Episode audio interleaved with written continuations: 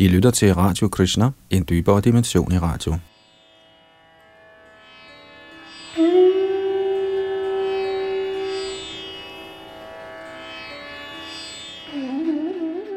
Vi fortsætter nu vores gennemgang af Srimad Bhagavatam, hvor vi slap sidste gang, og det er ved 11. bogs 20. kapitel, den fortsatte samtale mellem Krishna og Udhav. Og her hedder det, ren hengiven tjeneste overgår kundskab og forsagelse. Bag mikrofon og teknik sidder Yadunandan Das. Og vi fortsætter ved tekst nummer 9.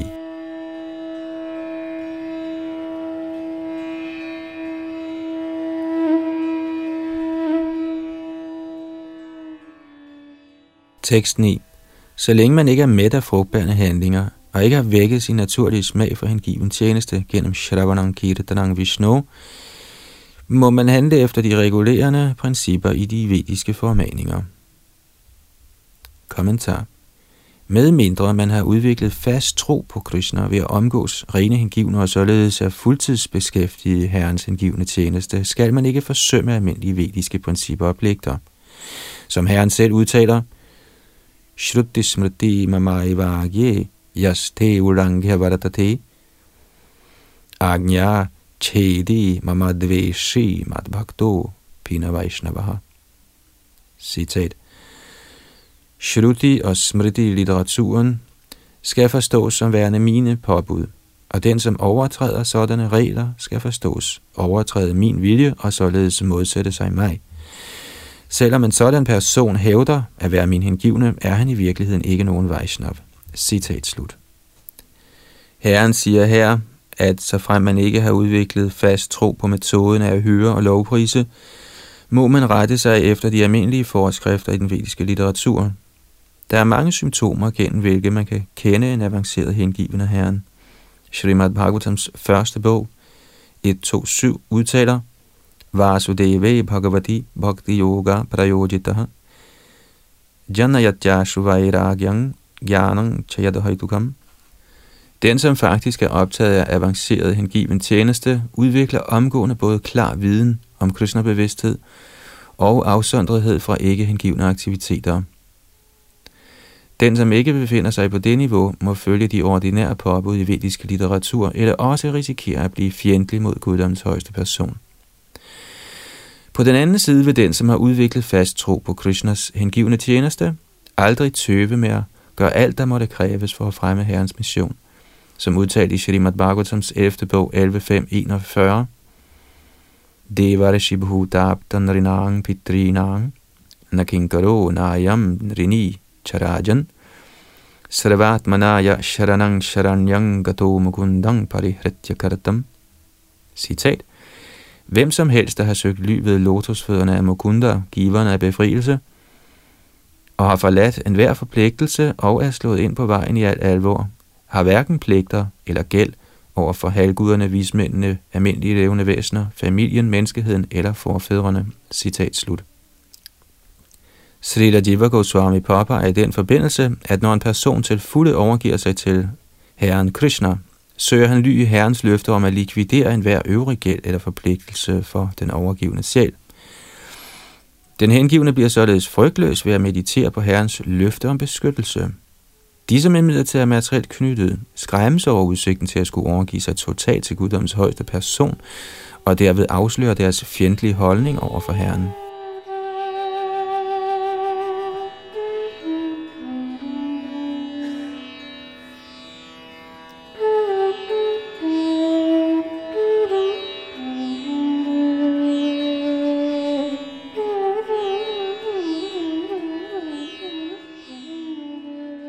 6.10, Kære Udhav, den, som er forankret i sin foreskrevne pligt og udfører behørig tilbedelse gennem vediske ofre, men som ikke begærer resultatet af sådan tilbedelse, vil ikke komme til de himmelske planeter. Ligeledes ved ikke at begå forbudte handlinger, kommer han ikke i helvede. Kommentar. Fuldendelsen af karma yoga bliver beskrevet her. Den, som ikke begærer frugterne af sine religiøse aktiviteter, spilder ikke tid med at hæve sig op til de himmelske planeter for at få himmelsk sansenydelse. Ligeledes vil den, som ikke forsømmer sin foreskrevne pligt eller begår forbudte handlinger, ikke komme i helvede for at blive straffet. Hvis således at undgå materielle belønninger og straf, kan en sådan person, der således er fri for ønsker, blive forfremmet til niveauet af ren hengiven tjeneste til Herren Krishna.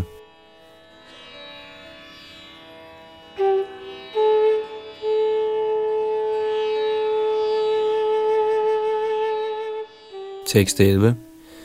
Den, som er forankret i sin pligt, fri for synd og renset for materiel besmittelse, opnår i dette liv transcendental kundskab eller ved held hengiven tjeneste til mig. Kommentar. Asmin Loge henviser til ens nuværende levetid. Før ens nuværende krop dør, kan man opnå transcendental kundskab eller ved stort held ren hengiven tjeneste til den højeste herre. Ordet Yadrichaya henviser til, at hvis man på en eller anden måde opnår samvær med rene hengivne og trofast hører fra dem, kan man opnå Krishna-bevidsthed, livets højeste fuldendelse. Ifølge Srila Vishana Chakravarti Thakur opnår man gennem transnatal kundskab befrielse, hvorimod man gennem ren hengiven tjeneste kan opnå kærlighed til guddommen, hvor i befrielse automatisk er inkluderet. Begge resultater er helt sikkert bedre end almindelige frugtbærende aktiviteter, ved hvilke man forsøger at nyde stort set samme ting, som dyrene gør. Er ens hengivende tjeneste iblandet en tilbøjelighed til frugtbærende aktivitet eller mental grubleri, kan man nå til det neutrale stadie af kærlighed til guddommen, hvorimod de, som helst kun vil tjene Herren Krishna, avancerer til de højere niveauer af kærlighed til guddommen i tjenerskab, venskab, forældrekærlighed og det ægteskabelige forhold.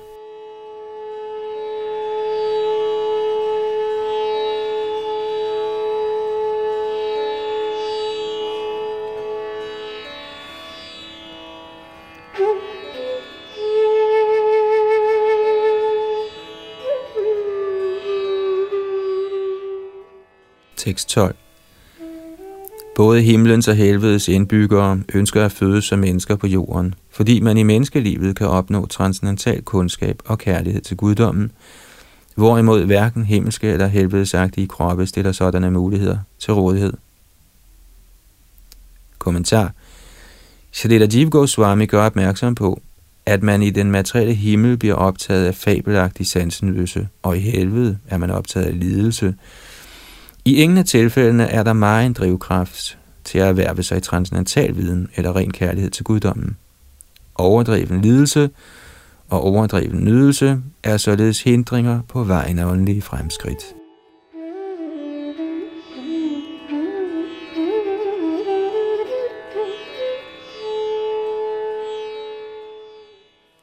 Tekst 13 et menneske, der besidder visdom, skal aldrig ønske forfremmelse til himmelske planeter eller bopæl i helvede. Faktisk skal et menneske sågar aldrig ønske permanent ophold på jorden, for ved sådan fordybelse i den fysiske krop bliver man tåbeligt ligegyldig med sin virkelige egen nytte. Kommentar Den, som har opnået menneskelivet på jorden, har en fabelagtig mulighed for at opnå åndelig befrielse gennem Krishna-bevidsthed eller hengiven tjeneste til Herren. Således skal man ikke begære forfremmelse til himlen eller risikere bopæl i helvede, hvor overdreven nydelse eller straf afleder sindet fra selvrealisation. På den anden side skal man ikke tænke, jorden er så dejlig, jeg kan blive her for evigt. Man må udvikle fuldstændig afsondrethed for alle aspekter og kategorier af materiel eksistens og vende hjem til guddommen igen, hvor livet er evigt og fuldt af lyksalighed og kundskab. Herren Krishna begynder nu at opbygge sit afgørende bevis for, at virkelige menneskelige fremskridt ligger hinsides materiel fromhed og synd.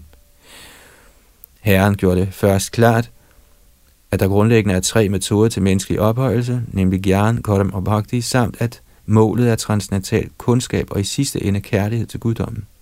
Nu forklarer Herren, at forfremmelse til himlen, der er fromhedens endelige mål, såvel som ophold i helvede, der er resultatet af synd.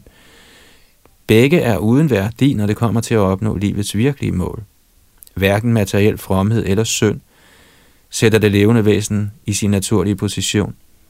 Derfor kræves der noget mere for at nå livets egentlige fuldendelse.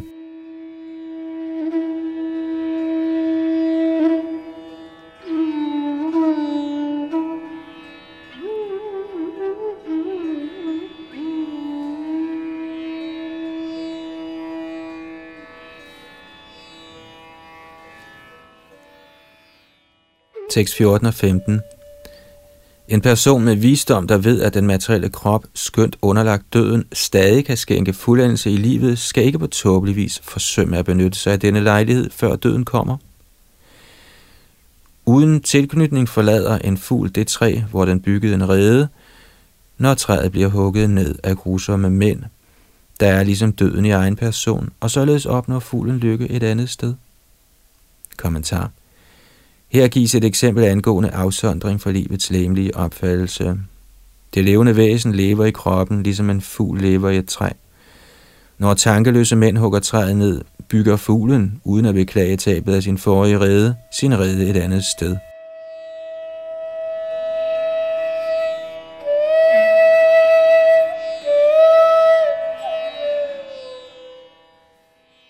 Tekst 16 velvidende, at ens levetid ligeledes bliver hugget ned af dagenes og nætternes gang, skulle man ryste sig frygt.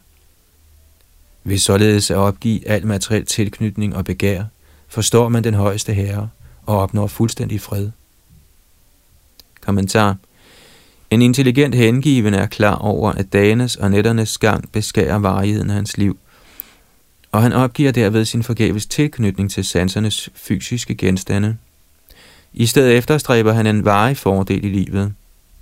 Ligesom den utilknyttede fugl øjeblikkeligt forlader sin rede og opsøger et andet træ, er en hengiven ligeledes klar over, at der ikke er nogen mulighed for permanent ophold i den fysiske verden. I stedet virer han sin vitale energi til at opnå evig residens i Guds rige. Den hengivne hæver sig over den materielle naturs tre fremtrædelsesformer – ved at opnå Krishnas egen åndelige natur og opnår således til sidst fuldstændig fred.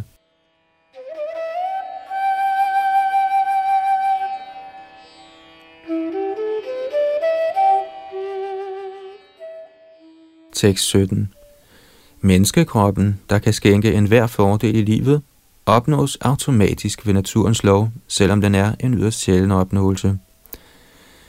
Denne menneskekrop kan sammenlignes med et perfekt bygget skib med den åndelige mester som kaptajn, og guddommens persons undervisning som de kunstige vinde, der driver det fremad på sin kurs. Når man tager alle disse fordele i betragtning, er det menneske, der ikke udnytter sit menneskeliv til at krydse over den materielle tilværelses ocean, sin egen sjæls morder. Kommentar. Menneskekroppen, der opnås efter en vandring gennem mange lavere arter, er skabt på en sådan måde, at den kan skænke livets højeste fuldendelse. Mennesket er tiltænkt at tjene guddommens højeste person, og den åndelige mester er den behørige vejleder for sådan tjeneste. Herren Krishnas ubegrundede barmhjertighed bliver sammenlignet med gunstige vinde, der hjælper kroppens skib til en jævn sejlads på sin kurs hjem til guddommen. Herren Krishna giver sin personlige undervisning i den vediske litteratur, taler gennem den åndelige mester og opmuntrer, advarer og beskytter sin oprigtige hengivne inden fra den hengivnes hjerte af. Denne herrens barmhjertige vejledning får hurtigt bragt en oprigtig sjæl på vejen hjem til guddommen. Men den, som ikke kan forstå, at menneskekroppen er et passende skib til at krydse den materielle tilværelses hav, vil ikke se noget behov for nogen kaptajn i form af den åndelige mester, og vil slet ikke værdsætte de gunstige vinde af Herrens nåde. Han har ingen chance for at opnå målet med menneskelivet. Da han handler imod sit eget bedste, bliver han gradvist sin egen sjæls morder.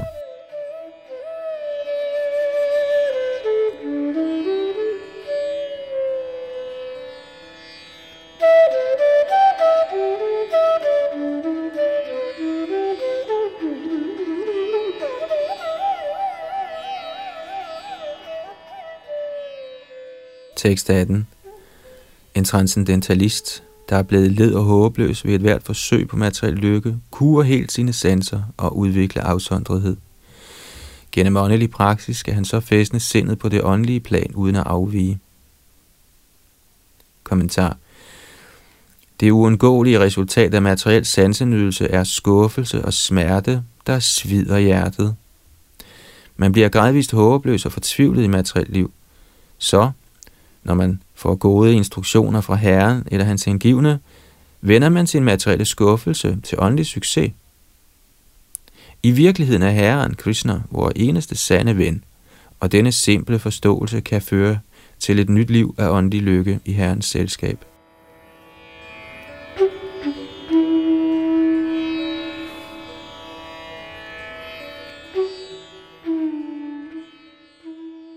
Tekst 19 når som helst det åndeligt forankrede sind pludselig afviger fra sin åndelige position, skal man omhyggeligt bringe det under selvets kontrol ved at følge de foreskrevne metoder. Kommentar Selvom man seriøst fordyber sindet i Krishna-bevidsthed, er sindet så flygtigt, at det pludselig kan afvige fra dets åndelige position. Man må derom hyggeligt bringe sindet tilbage under kontrol af selvet. Det udtales i Bhagavad Gita, at hvis man er for asketisk eller for sanselig, kan man ikke beherske sindet. Under tiden kan man få sindet under kontrol ved at tillade sanserne begrænset tilfredsstillelse. Skønt man for eksempel måtte spise mådeholdent, kan man fra tid til anden acceptere en rimelig mængde Mahaprasad, overdådig mad tilbudt templets gudskikkelser, sådan at sindet ikke bliver forstyrret. Ligeledes måtte man lejlighedsvis rekreere i selskab med andre transcendentalister gennem spøj, svømning osv., men hvis sådanne aktiviteter bliver for hyppige, vil de føre til et tilbageslag i åndeligt liv.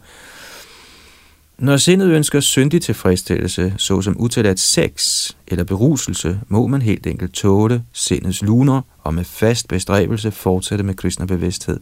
Så vil illusionens bølger snart aftage, og fremskridtets vej åbner sig igen vidt op.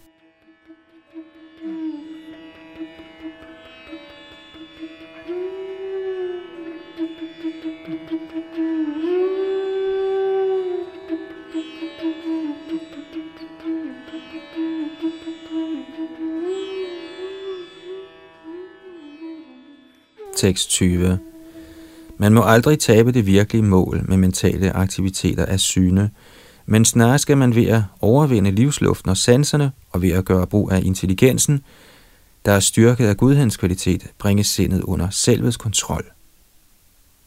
Kommentar Selvom sindet pludselig vandrer uden for selvrealisationens domæne, må man bringe sindet tilbage under kontrol af klar intelligens i godhedens kvalitet. Den bedste løsning er konstant at holde sindet beskæftiget i Herren Krishnas tjeneste, sådan at sindet ikke kan vandre over på sansenydelsens farlige vej, anført af seks tiltrækning. Det materielle sind er af natur tilbøjeligt til hvert øjeblik at acceptere fysiske genstande, så med mindre sindet bliver bragt under seriøs kontrol, er der ingen mulighed for at blive stabil på vejen af åndelige fremskridt.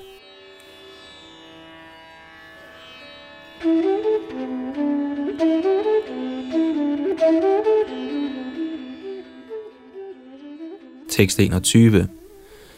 En dygtig rytter, der gerne vil tæmme en stadig hest, lad først hesten få sin vilje et øjeblik, og så ved at hive i tøjlerne, får han gradvist bragt hesten på den ønskede vej. Ligeledes er den højeste yogametode den, ved hvilken man opmærksomt holder øje med sindets bevægelser og ønsker, og gradvist får dem bragt under fuldstændig kontrol. Kommentar Ligesom en dygtig rytter med det samme forstår en utæmmet hest sluner og gradvist bringer hesten under sit herredømme, tillader en dygtig yogi sindet at røbe sine materialistiske tilbøjeligheder og bringer dem så under kontrol gennem højere intelligens. En lært transcendentalist tilbageholder og tillader sanseobjekter, sådan at sindet og sanserne forbliver fuldt behersket, ligesom rytteren under tiden hiver hårdt i tøjlerne og andre gange lader hesten løbe frit. Rytteren glemmer aldrig sit virkelige mål eller bestemmelsessted, og får til sidst bragt hesten på den rigtige vej. Og selvom en transcendentalist til tider lader sanserne handle, glemmer han aldrig selv realisationens mål. Ej heller lader han sanserne begå syndige handlinger. Overdreven strenghed eller begrænsning kan føre til voldsom mental forstyrrelse, ligesom det at hive for hårdt i tøjlerne kan få hesten til at falde rytteren i ryggen – Selvrealisationens vej afhænger af klar intelligens, og den letteste måde til at opnå sådan ekspertise er overgivelse til Herren Krishna. Herren siger i Bhagavad Gita 10.10, Deshang satatayuktanang bhajatang priti purvakam dadami buddhi yogang tang yena upayantite. Måske er man hverken lært eller åndeligt intellektuel, men er man oprigtigt optaget af kærlig hengiven tjeneste til Herren, uden misundelse eller personlig motivation, vil Herren inden fra hjertet åbenbare metoden til at kontrollere sindet. En kristnebevidst person rider således behendigt på bølgerne af mentale ønsker, uden at falde af sadlen, og han rider til sidst hele vejen hjem til guddommen.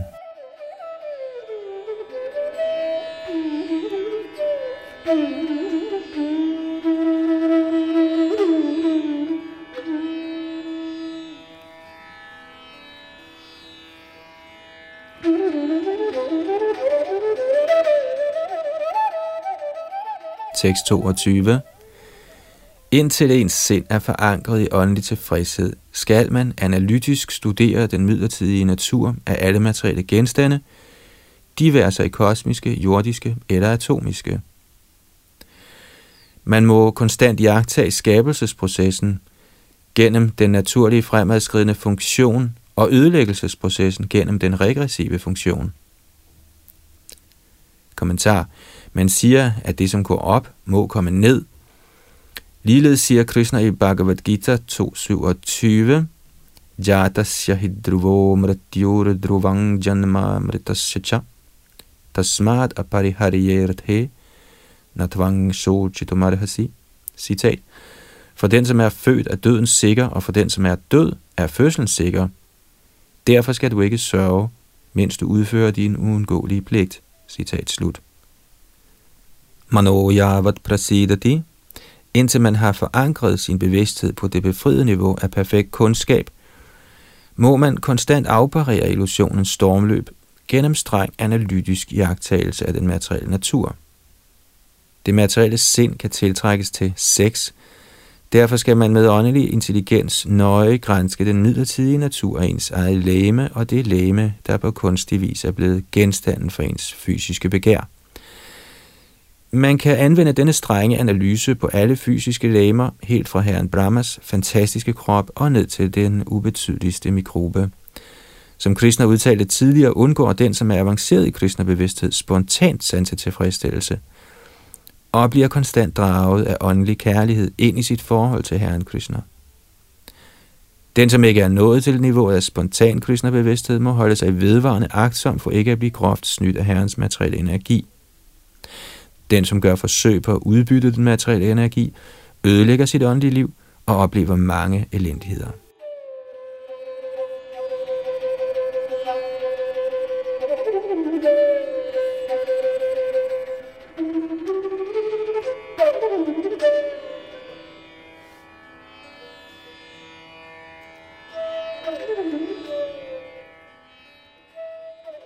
Tekst 23. Når en person er led ved denne verdens midlertidige illusoriske natur, og således ikke er knyttet til den, tænker han i sit sind, vejledt af sin åndelige mesters undervisning, igen og igen på denne verdens væsen, og giver til sidst afkald på den fejlagtige identifikation med det fysiske stof. Kommentar. Selvom det er vanskeligt at beherske sindet, kan sindet ved konstant øvelse blive åndeliggjort i Krishna-bevidsthed. En oprigtig disciple husker konstant sin åndelige mesters undervisning, hvorved han atter og atter stilles over for den barske sandhed, at den materielle verden ikke er den egentlige virkelighed. Gennem ubundethed og udholdenhed opgiver sindet gradvist sin tilbøjelighed til sanseglæder. Denne illusion letter sit greb, og man er oprigtig kristne bevidst hengiven. Gradvist opgiver det rensede sind helt sin forkerte identifikation med denne verden – og vender i stedet sin opmærksomhed mod den åndelige platform. Der betragtes man som fuldendt i yogasystemet.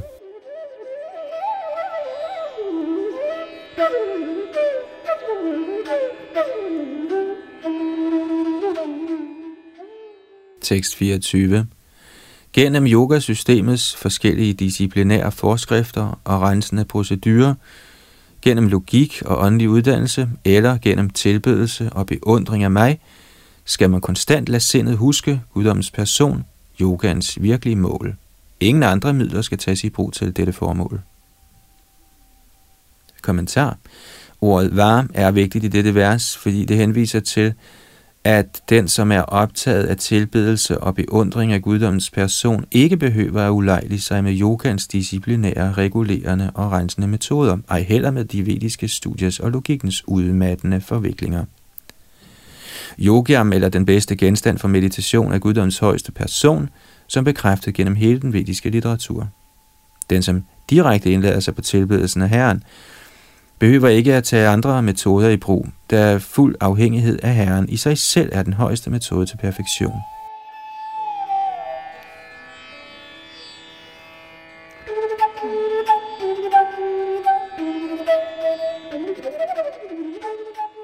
Tekst 25 hvis en yogi grundet et øjebliks uopmærksomhed uheldigvis begår en forfærdelig handling, skal han gennem selve yogaens metode nedbrænde den syndige reaktion, uden på noget tidspunkt at tage andre midler i brug.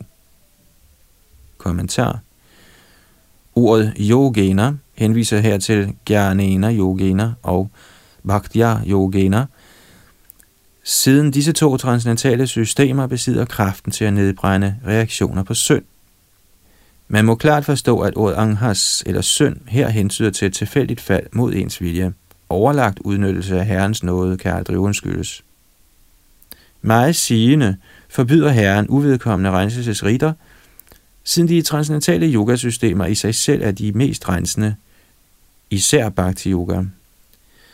Forlader man sin normale foreskrevne pligt for i stedet at udøve en bestemt rite eller askese i forsøg på at udrense en reaktion på synd, bliver man skyld i den yderligere forseelse at have forladt sin foreskrevne pligt. Man må samle sig selv op fra et tilfældigt fald og energisk fortsætte med sine foreskrevne pligter i livet uden at miste modet. Man skal selvfølgelig være ked af det og skamme sig, ellers er der ingen renselse. Men bliver man for deprimeret over et tilfældigt fald, mister man entusiasmen til at forfølge fuldendelsen. Herren Krishna udtaler også i Bhagavad Gita 9.30, Abhijet sudaracharo bhajate mamananyabhag sadhureva samantavya samyak vyavasito hisaha. Citat. Selvom man begår de afskyeligste af handlinger, skal man, så frem man er optaget af hengiven tjeneste, betragtes som hellig, fordi man er korrekt situeret. Citat slut. Den vigtigste pointe er, at man skal være ordentligt engageret i Herrens hengivende tjeneste, for der vil Herren tilgive og rense et tilfældigt fald. Man må dog hele tiden opmærksom forsøge at undgå en sådan ulykke.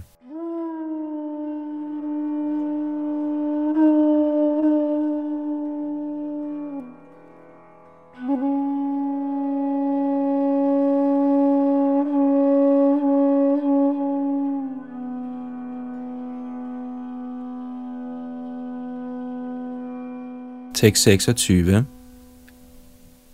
Det bliver udtrykkeligt bekendtgjort, at transcendentalisternes faste lydighed mod deres henholdsvise åndelige positioner udgør virkelig fromhed, og at synd opstår, når en transcendentalist forsømmer sin foreskrevne pligt. Den, som antager denne standard for fromhed og synd, og derved forlader alt tidligere omgang med sansenydelse, er i stand til at kue materialistiske aktiviteter, der af natur er urene. Kommentar Herren Krishna forklarer her mere klart, at de, som direkte er optaget af selvrealisation, enten gennem et jnana-yoga eller bhakti yoga, ikke har nødig at forlade deres regulære pligter og overholde særskilte askeser for at bøde for et tilfældigt fald. Den egentlige hensigt med den vediske litteratur er at vise en vejen hjem til guddommen, og ikke at opmuntre til materiel sanse tilfredsstillelse. Skønt vedderne anbefaler utallige ritualer med henblik på forfremmelse til himmelske planeter og nydelse af enhver tænkelig art materiel overdådighed, er sådanne materialistiske belønninger kun beregnet på at inddrage materialistiske mennesker, der ellers ville blive dæmoniske. For at rense et tilfældigt fald har den, som er optaget af transcendental erkendelse, ikke nødig at antage nogen metoder ud over sin egen åndelige praksis. Ordene Sanganang Chajina Chaya tilkendegiver, at man ikke skal dyrke Krishna-bevidsthed eller selvrealisation på en overfladisk eller skødesløs måde. Snarere skal man oprigtigt og alvorligt ønske at komme fri af sit tidligere syndige liv. Ligeledes henviser ordene Ja Nishthar til, at man må udøve Krishna-bevidsthed konstant. Således vil egentlig fromhed sige at give afkald på fysisk sansenydelse og indlade sig på Herrens kærlige tjeneste.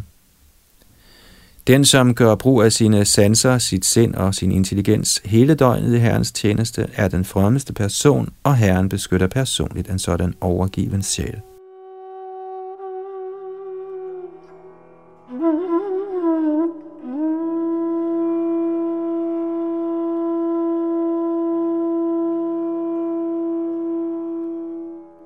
Tekst 27 og 28 med vækket tro på fortællingerne om mine herligheder og træt af alle materielle aktiviteter velvidende, at al sansenydelse fører til elendighed, men stadig ud af stand til at forsage al sansenydelse, skal min hengivne være lykkelig og tilbede mig med stor tro og overbevisning. Selvom han under tiden er optaget af sansenydelse, er min hengivne klar over, at al sansenydelse fører med sig et elendigt resultat, og han angrer oprigtigt sådanne handlinger.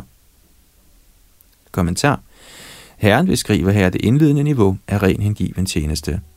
En oprigtig hengiven har set i praksis, at alle materielle aktiviteter kun fører til sansenydelse, og sansenydelse fører kun til lidelse.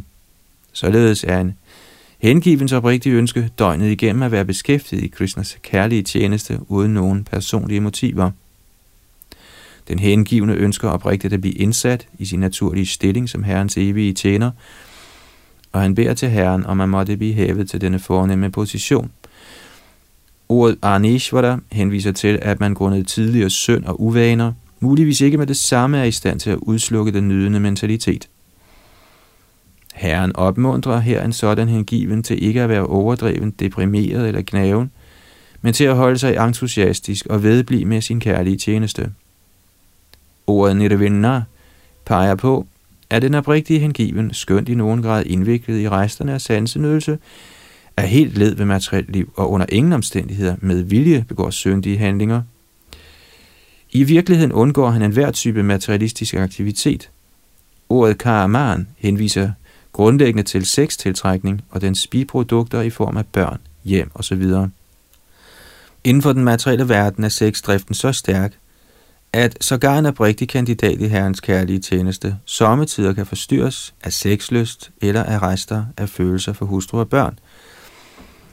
En ren hengiven føler sig afgjort åndelig ømhed over for alle levende væsener, herunder hans såkaldte hustru og børn, men han er klar over, at fysisk læmelig tiltrækning ikke fører til noget godt, for den indvikler helt enkelt både ens selv og ens såkaldte slægtninge i en elendig kæde af reaktioner på frugtbærende arbejde. Ordet dridhanishchaya, eller fast overbevisning, henviser til, at en hengiven under alle forhold er fast besluttet på at fortsætte med sin foreskrevne pligt for Krishna. Således tænker han, grundet mit tidligere skamfulde liv er mit hjerte forurenet af mange illusoriske tilknytninger. Jeg har selv ingen kraft til at forhindre dem. Kun Herren Krishna i mit hjerte kan fjerne sådan ugunstig besmittelse. Men uanset om Herren fjerner sådanne tilknytninger med det samme, eller fortsat lade mig plages af dem, vil jeg aldrig forlade min tjeneste til ham. Selvom Herren sætter i millioner af hindringer på min vej, og selvom jeg ved mine forseelser må komme i helvede, vil jeg end ikke for et øjeblik ophøre med at tjene Krishna. Mental spekulation og frugtbærende aktiviteter interesserer mig ikke. Selvom herren Brahma viser sig for mig at tilbyde sådanne beskæftigelser, er jeg ikke det mindste interesseret. Selvom jeg er knyttet til materielle ting, kan jeg klart se, at de intet godt bringer. Fordi de kun giver mig problemer og forstyrrer min hengivne tjeneste til Herren. Derfor angrer jeg oprigtigt mine tåbelige tilknytninger til så mange materielle ting og afventer tålmodigt Herren Krishnas barmhjertighed.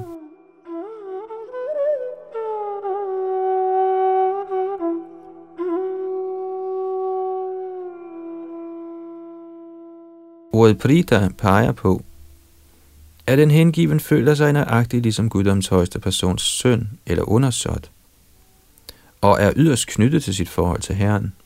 Så selvom han oprigtigt beklager lejlighedsvise henfald til sansenydelse, opgiver han aldrig sin entusiasme for at tjene Krishna. Bliver en hengiven for knæven eller modløs i hengiven tjeneste, kan han glide over i en upersonlig bevidsthed eller forlade sin hengivne tjeneste til Herren. Derfor giver Herren det råd, at nok skal man angre alvorligt, men man må ikke blive kronisk deprimeret. Man må forstå, at man grundet tidligere synd må finde sig i lejlighedsvise forstyrrelser fra sindet og sanserne, men man bør ikke derved blive en tilhænger af afsondring, ligesom de spekulative filosofer. Man måtte ønske afsondring for at rense sin hengivne tjeneste til Herren, men hvis man ender med at være mere interesseret i forsagelse end i at handle til glæde for Herren Krishna, misforstår man den kærlige hengivne tjenestes stilling. Tro på Herren Krishna er i den grad kraftfuld, at den med tiden automatisk vil medføre afsondrethed og fuldendt kundskab. Hvis man forlader Krishna som midtpunkt for ens tilbedelse og mere bekymrer sig om viden og afsondring, bliver man afledt fra sin fremadskridende vej hjem til guddommen. Herrens oprigtige hengivne må være fast overbevist om, at han helt enkelt ved kraften i hengiven tjeneste og Herren, Krishnas barmhjertighed, vil opnå alt lykkebringende i livet. Man må være overbevist om, at Herren Krishna er helt igennem barmhjertig, og at han er livets eneste virkelige mål. Sådan fast tro kombineret med et oprigtigt ønske om at give afkald på sansenydelse vil bære en hensides denne verdens hindringer.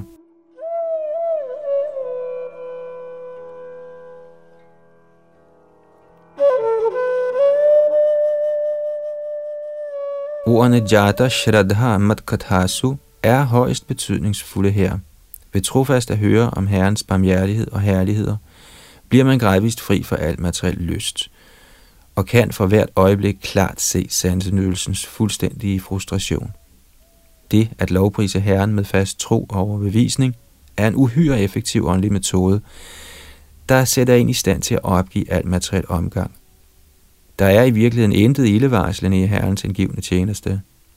De lejlighedsvise vanskeligheder, en hengiven måtte erfare, skyldes hans tidligere materielle aktiviteter.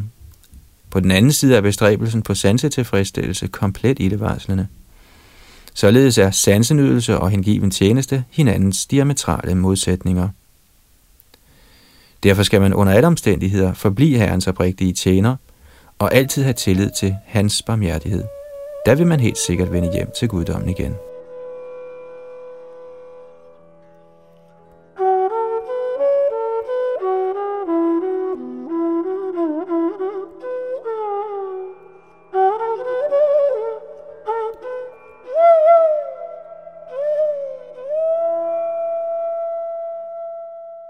Tekst 29 når et begavet menneske yder mig konstant tilbedelse gennem kærlig hengiven tjeneste, som foreskrevet af mig, bliver hans hjerte fast forankret i mig.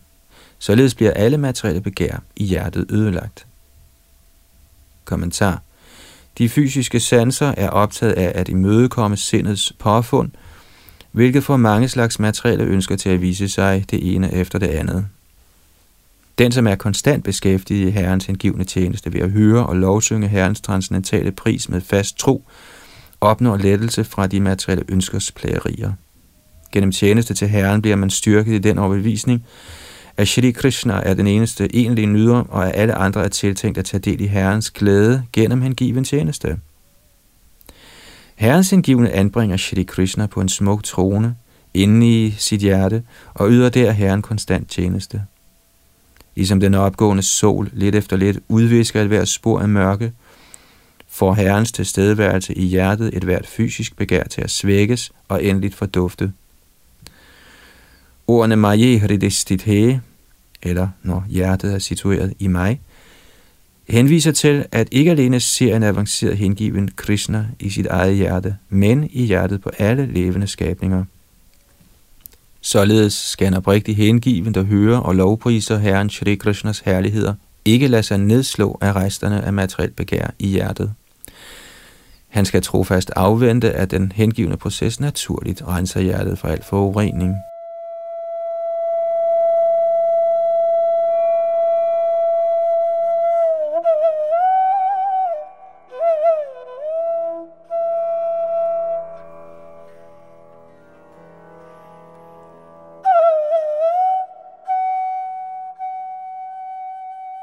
36. Bhidyate hridaya granthish chidjante sarva sangshayaha. Kshiyante chasya karmani. Maidrishte kilatmani. Hjertets knude bliver overskåret, alle bekymringer bliver knust, og kæden af frugtbærende handlinger bliver ophævet, når jeg ses som guddommens højeste person. Kommentar – Hridaya Granthi henviser til, at ens hjerte er bundet i illusion gennem fejlagtig identifikation med den fysiske krop. Således bliver man fordybet i sex, nydelse og drømmer om utallige kombinationer af mandlige og kvindelige kroppe. Den, som er beruset af sexlyst, er ude af stand til at forstå, at guddoms højeste person er al glædes reservoir og den højeste nyder. Når en hengiven bliver stabil i hengiven tjeneste og for hvert øjeblik oplever transcendental glæde i sin kærlige hengivende tjeneste til Herren, bliver knuden af fejlagtig identifikation overskåret og alle bekymringer knust. Under illusion fantaserer vi, at det levende væsen ikke kan blive helt tilfreds uden fysisk sansenydelse og spekulative tvivl om den absolute sandhed. Materialister betragter sansenydelse og spekulativ tvivl som afgørende for civiliseret liv. En ren hengiven erkender i midlertid, at Herren Krishna er et uendeligt ocean af lykke og læmliggørelsen af alt kundskab. Denne erkendelse af Herren Krishna fjerner helt tendenserne til sansetilfredsstillelse og mental spekulation. Således kollapser kæden af frugtbærende aktiviteter eller karma, ligesom en ild falder sammen og går ud, når brændslet fjernes.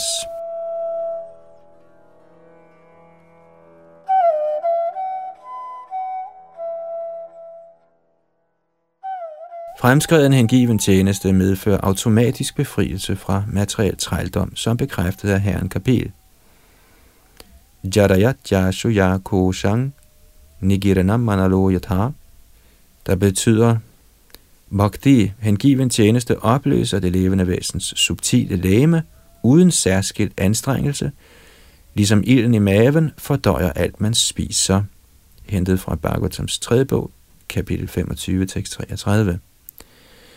Shrila Prabhupada udtaler i sin kommentar til dette vers, og jeg citerer, En hengiven behøver ikke særskilt at efterstræbe befrielse.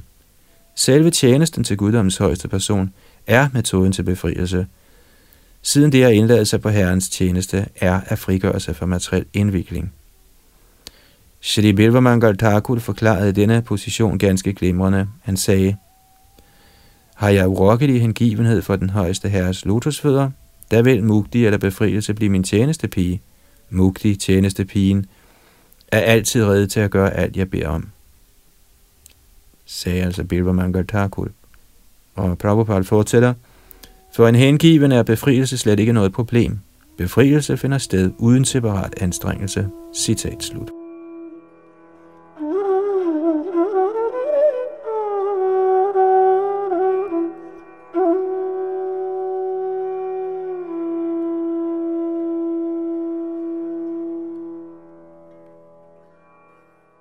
31.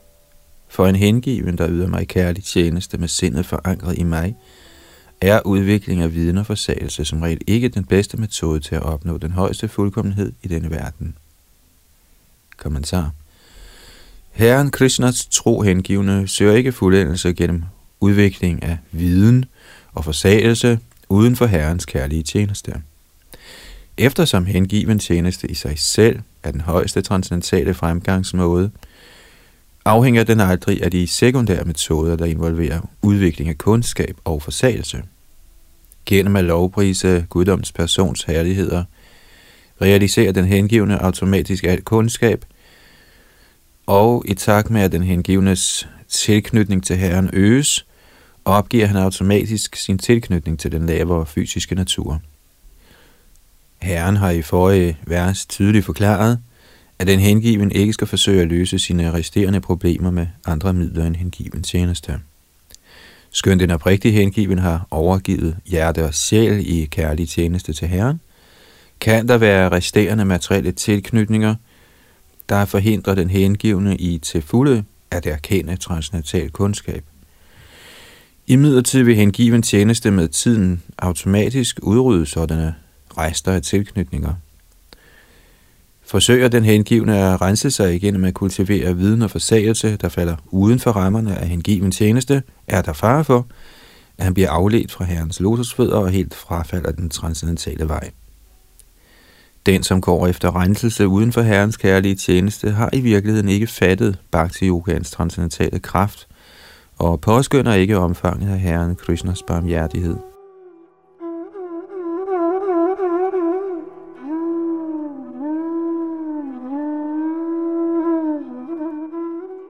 I denne verden er ens hjerte bundet af sexlyst, der forstyrrer ens meditation på Krishnas lotusfødder. Beruset af forbindelser til kvinder, bliver den betingede sjæl kunstigt stolt og glemmer sit kærlige tjenerskab mod Herren. Gennem beslutsom kultivering af kundskab og afsondring, kan en betinget sjæl forsøge at rense sig uden Krishnas barmhjertighed, men sådan falsk stolthed må opgives – ligesom man må opgive den materielle tiltræknings falske stolthed. Når ren hengiven tjeneste til Herren står til rådighed for en betinget sjæl, udgør tiltrækning til andre metoder helt sikkert en afvielse i hans hengivne karriere. Materiel lyst, der stadig putter sig ind i hjertet, kan overvindes ved til fulde at søge ly i guddoms højeste person. Uden falsk tillid til ens egen bestræbelse på viden og forsagelse – skal man helt afhænge af Herren Krishnas barmhjertighed, og samtidig strengt overholde Bhakti Yogans regler og forskrifter, som undervist af Herren selv.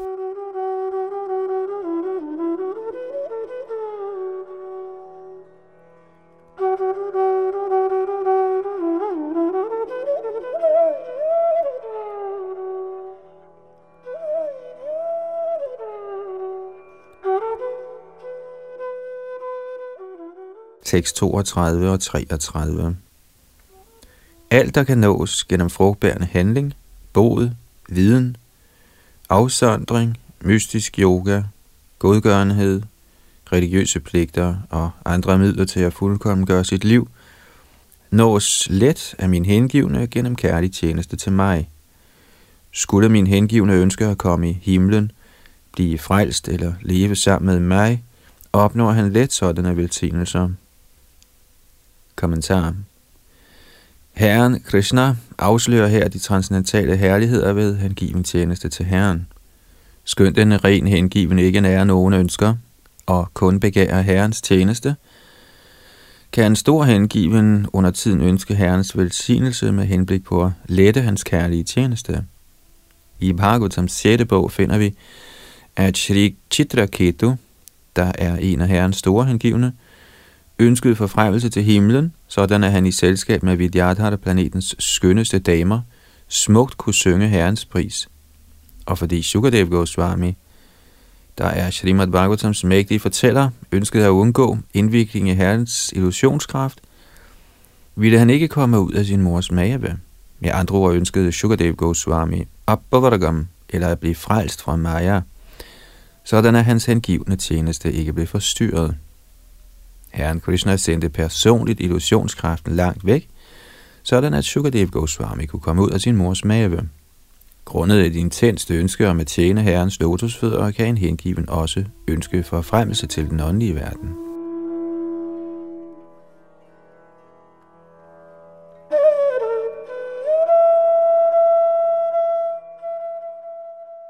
Ifølge Srila Vishana Chakravarti Thakur kan en hengiven, der har opgivet, uafhængig af at dyrke viden og forsagelse, have fast tro på Herrens indgivende tjeneste, og dog forblive i nogen grad knyttet til frugten af sådanne handlinger. Gennem dygtige frugtbærende aktiviteter opnår man bogpæl i den fysiske himmel, og gennem at udvikle frihed for tilknytning kommer man fri af al læmelig elendighed. Skulle Krishna i en hengivens hjerte konstatere et ønske om sådanne velsignelser, kan Herren let skænke disse til sin hengivne. Ordet Ittaraihi i dette vers henviser til at besøge hellige steder, overholde religiøse løfter osv. Der bliver i verset før dette nævnt forskellige gunstige metoder til opholdelse, men alle de gunstige resultater af disse metoder kan let opnås gennem kærlig tjeneste til Herren. Således skal alle herrens indgivende, uanset deres niveau af fremskridt, udelukkende bruge deres energi på herrens tjeneste, som bekræftet af Shukadev Goswami i Srimad Bhagavatams anden bog. Akama sarvakama ovara moksha kama Udaradhi tivrena bhakti yogena yajeta purushang param. En person, der besidder bredere intelligens, må, uanset om han er fuld af materielt begær, uden materielt begær eller begær af frelse, for enhver pris tilbyde den højeste helhed guddommens person. Bhagavatam 2, 3, 10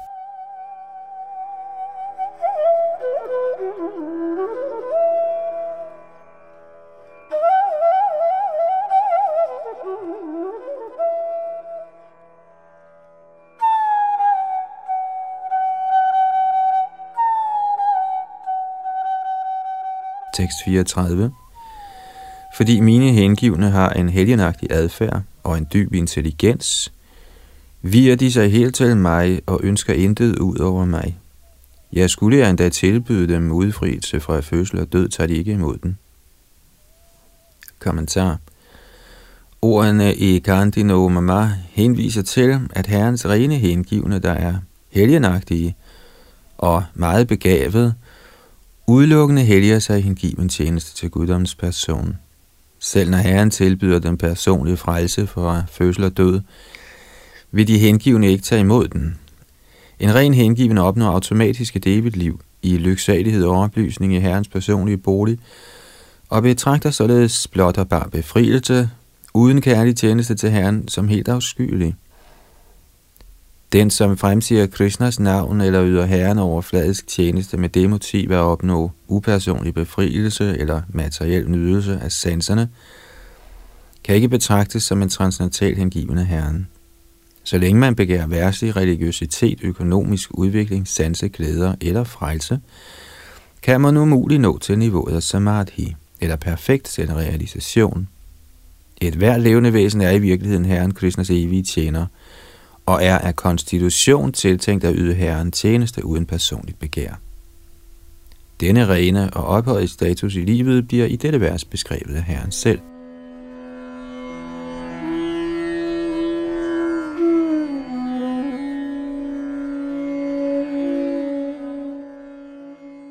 Tekst 35 Det siges, at total frihed for tilknytning er det højeste niveau af frihed – Derfor kan den, som ikke nærer nogen personlige ønsker og ikke går efter personlige belønninger, opnå hengiven tjeneste til mig. Kommentar. Som udtalt i Srimad Bhagavatam 2.3.10, Akama sarvakama ova, moksha kama udaradhihi, tivrena bhakti yogena, yajita purushang param. Citat. En person, der besidder bredere intelligens, må, uanset om man er fuld af materiel begær, uden materiel begær eller begær frelse, for enhver pris tilbede den højeste helhed, guddommens person. Citat slut. I denne udtalelse af Sukadev Goswami er ordene Tivrena, Bhakti Yogena af betydning. Srila Prabhupada bemærker i den forbindelse, citat, Ligesom den ublandede solstråle er ganske kraftig og derfor kaldes Tivra, kan ligeledes ublandet bhakti yoga i form af at høre, lovpriser og så videre udføres af enhver uanset indre motiv. Citat slut. Utvivlsomt er folk i denne koldes tidsalder generelt meget faldende og besmittede af materiel lyst, grådighed, vrede, sorg og så videre. I denne tid er de fleste mennesker sadavakam, eller fulde af materielle begær. Alligevel skal vi forstå, at vi ved helt enkelt at søge Krishnas ly vil opnå alt i livet. Det levende væsen bør ikke følge nogen anden metode, ud over Herrens kærlige tjeneste. Man må acceptere, at Krishna er al glædes reservoir, og at kun Herren Krishna inde i vort hjerte kan opfylde vores ønsker. Denne simple tillid til, at man ved at nærme sig i Krishna vil opnå alt, er al videns essens, og bærer sågar en falden person over denne vanskelige tidsalders smertelige forhindringer.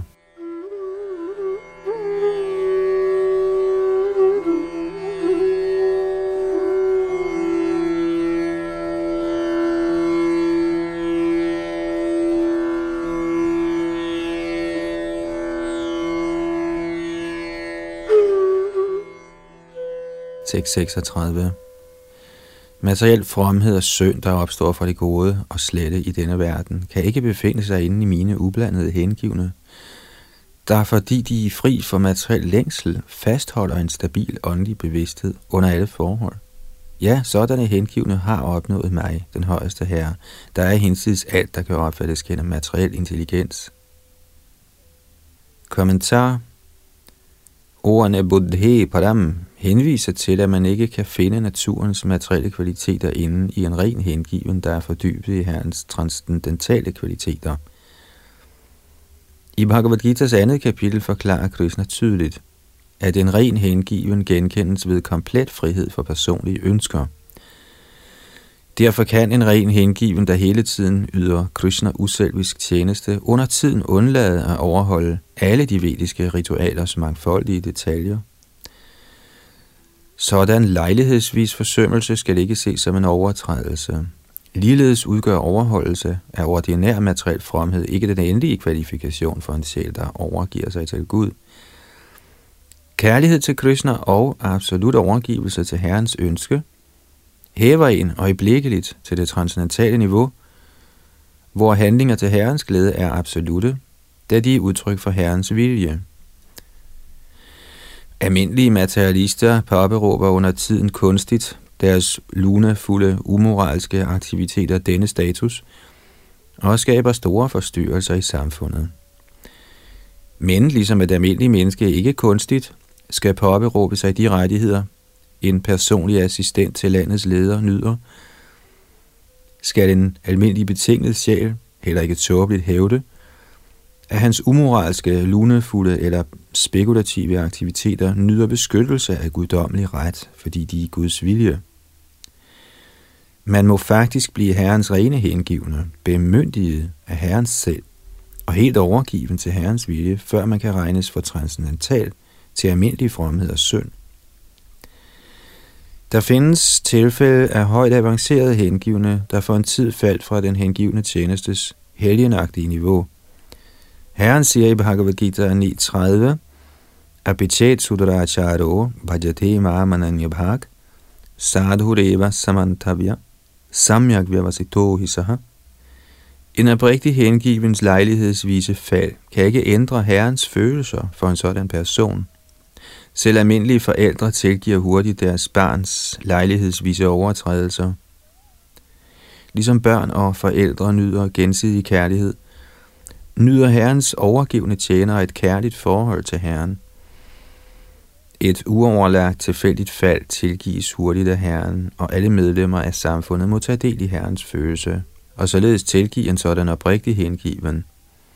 En avanceret hengiven må ikke stemples som materialist eller syndig, blot på grund af et hændeligt fald. En hengiven vender straks tilbage til niveauet af hellig tjeneste og bønfalder Herren om tilgivelse.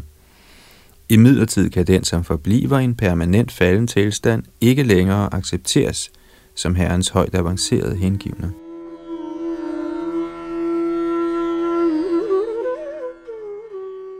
Tekst 37 de, som seriøst følger disse metoder til at nå mig, som jeg personligt har lært, opnår frihed fra illusion, og når de når til min personlige bolig, forstår de fuldstændig den absolute sandhed.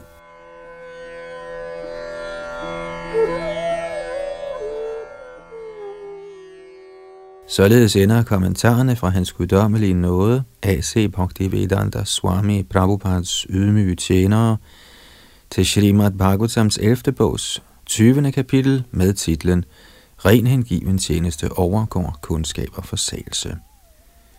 Her holder vi for denne omgang i vores oplæsning af Srimad Bhagavatam. Næste gang er det kapitel 21 her i 11. bog, og det kapitel hedder Herren Krishna forklarer den vediske vej. Det var Yadunandandas bag mikrofon og teknik.